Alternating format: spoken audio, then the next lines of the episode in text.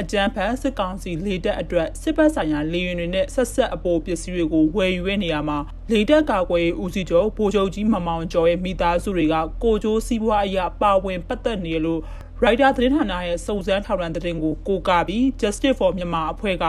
စက်တင်ဘာလ12ရက်နေ့မှာထုတ်ပြန်လိုက်ပါတယ်။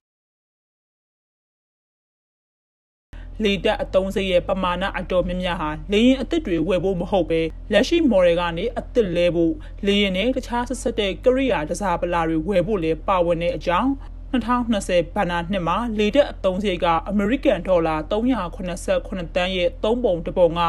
လေရင်အပေါ်ပစ္စည်းတွေရဲ့ပြင်ဆင်အသုံးစရိတ်အတွက်သုံးစွဲကြတာဖြစ်တယ်လို့ရိုက်တာသတင်းမှာဖော်ပြထားတာလည်းဖြစ်ပါတယ်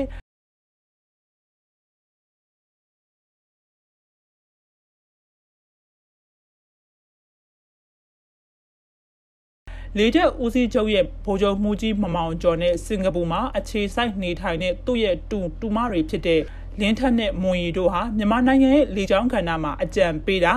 လေရင်အပေါ်ပစ္စည်းတွေဝယ်ယူတာလေရင်ငှားရမ်းမှုနဲ့ပြုပြင်ထိန်းသိမ်းတာနဲ့ပတ်သက်တဲ့ဝန်ဆောင်မှုလုပ်ငန်းတွေကိုမိသားစုစီးပွားရေးအဖြစ်လုပ်ကိုင်နေရလို့ဆိုပါတယ်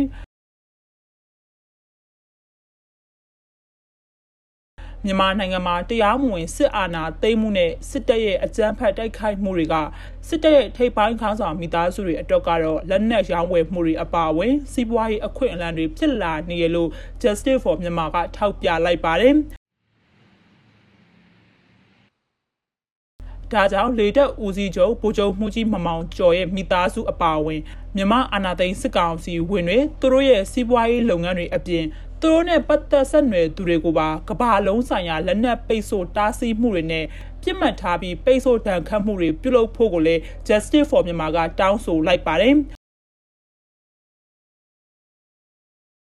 ဒါအပြင်စစ်ကောင်းဆောင်တွေခိုးထားတဲ့ပိုင်ဆိုင်မှုတွေပြည်သူတွေထံပြန်လည်ရရှိဖို့နဲ့ကိုကျိုးရှာတဲ့စစ်တပ်အမျက်ကြီးစားတွေကိုဖြိုချဖို့ကိုလည်းတိုက်တွန်းတောင်းဆိုလိုက်တာဖြစ်ပါတယ်။